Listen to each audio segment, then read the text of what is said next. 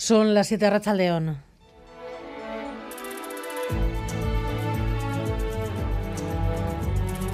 Gambara con Arancha García.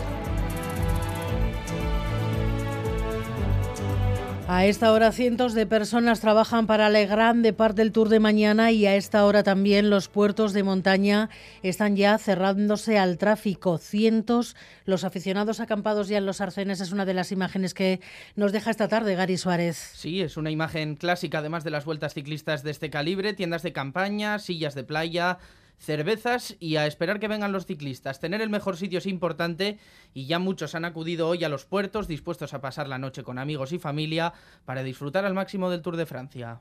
Ba, atzo otorri ginen. Horrelako aukera hain gertu edukitzeaz, esan dugu, onea. Desde hace un año estoy planificando, porque sabía que iba a ser el tour aquí las primeras tres etapas. De aquí hasta mañana ya a ver la carrera. Sí, el mejor, hemos cogido el mejor sitio, ya aquí no nos, ya no, no nos mueven. Por cierto que algunos puertos como el Alto de Pique, Vivero, Jaisquivel están cerrados ya al tráfico. La gran prueba deportiva francesa sale de Euskal Herria en un momento de enorme crispación en Francia. Hola, Simón, París, Arracha León. Francia se asoma a otra noche de incidentes, la tercera desde que un policía disparó a quemarropa a un adolescente de 17 años y horas después de que la ONU haya pedido a Francia que acabe con el racismo en la policía. Se especulaba, Olatz, con que el gobierno decretara hoy el estado de emergencia. En una hora comparece el ministro del Interior. ¿Cómo están las cosas por ahí? De momento parece que se resisten a establecer ese estado de emergencia. Dicen desde el Elíseo que sería contraproducente operativamente porque habría que controlar a todas las personas que salgan de su casa a partir del toque de queda, porque estaríamos hablando de un estado de emergencia con toque de queda incluido y que eso dificultaría la labor de la policía, que tendría que trabajar en todas las zonas por igual, cuando lo que saben es que tienen que concentrarse en ciertos barrios, sobre todo en los suburbios de las grandes ciudades. Eso es verdad que está cambiando. Desde la última noche ha habido muchísimos saqueos en los centros de las ciudades, no en los suburbios. Y ahora mismo estamos en la Plaza de la Concordia. Se supone que hay una convocatoria aquí a las 8 de la tarde, una manifestación por Nael y contra la violencia policial. Empezamos a sospechar que es un señuelo porque empiezan a aparecer otras informaciones de que en realidad irán al ayuntamiento. Vamos a ver qué pasa. Es un poco el mismo modus operandi que cuando las protestas de la reforma de las pensiones. En cualquier caso, se esperan sin duda incidentes esta noche.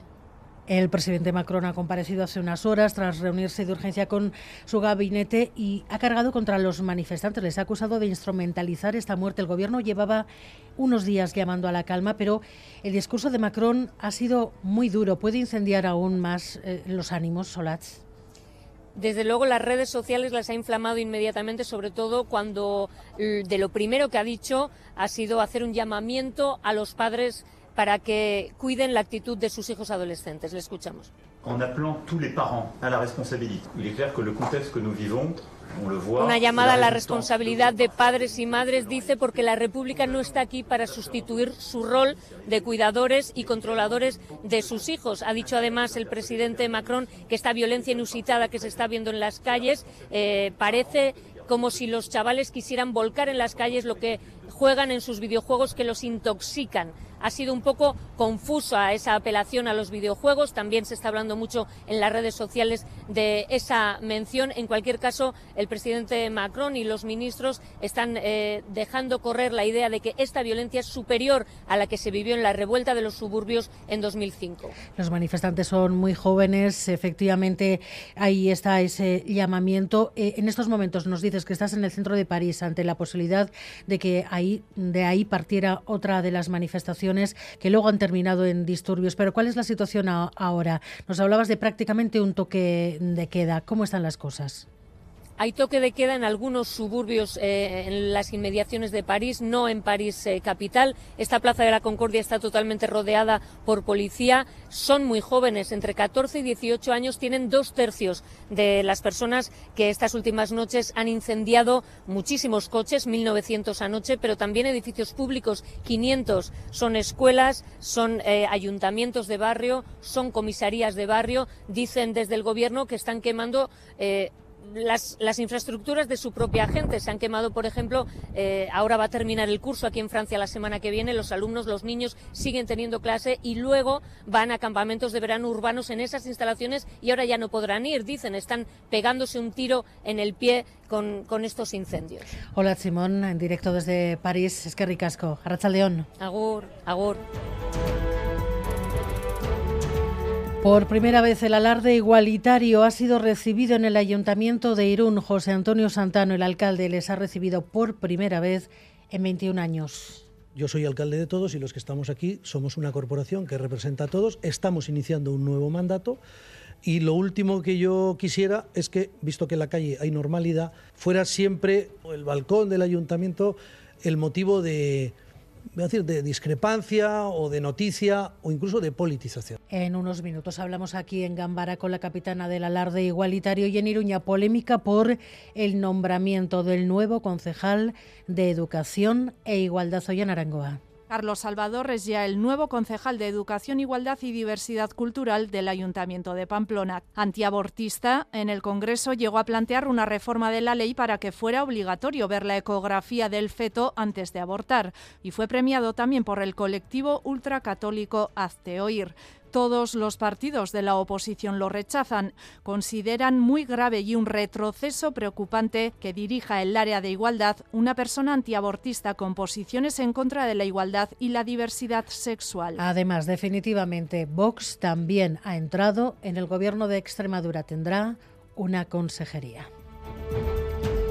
Estamos además en viernes de operación salida del verano, la primera sin problemas de momento en nuestras carreteras y los deportes. Alberto Negro, Arrachaldeón. Arrachaldeón, las carreteras son las protagonistas. Efectivamente, supongo que pendientes de lo que vaya a pasar o de lo que ya está pasando en algunas. Sí, en ese compás de espera, eh, con el inicio del Tour de Francia mañana, los grandes protagonistas, los ciclistas, hoy han aprovechado el día para inspeccionar los recorridos que se van a encontrar a lo largo de las tres próximas jornadas. Por cierto, que ha comenzado también el Giro Rosa en Italia, el Giro femenino y lo ha hecho con mal pie porque una auténtica tromba de agua ha hecho que se tenga que suspender la primera etapa. En el deporte del fútbol estamos a la espera de que Osasuna presente a lo largo de esta tarde el recurso ante el Comité de Apelación de la UEFA para intentar que se atienda su reclamación y poder participar en la Conference League y en fútbol también en el Athletic confirmada la ampliación de contrato por una temporada más de Raúl García con el conjunto rojiblanco.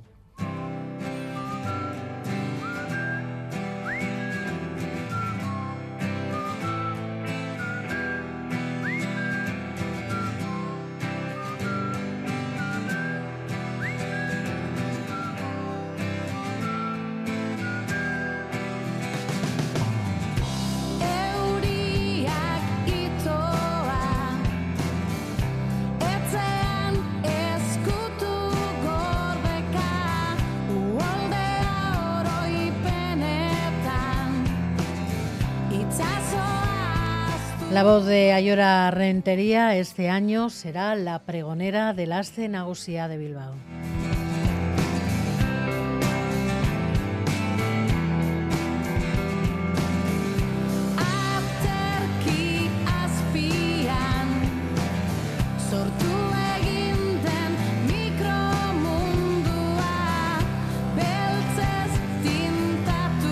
Miguel Ortiz y Alberto Zubel ya están en la dirección técnica, Cristina Vázquez en la producción.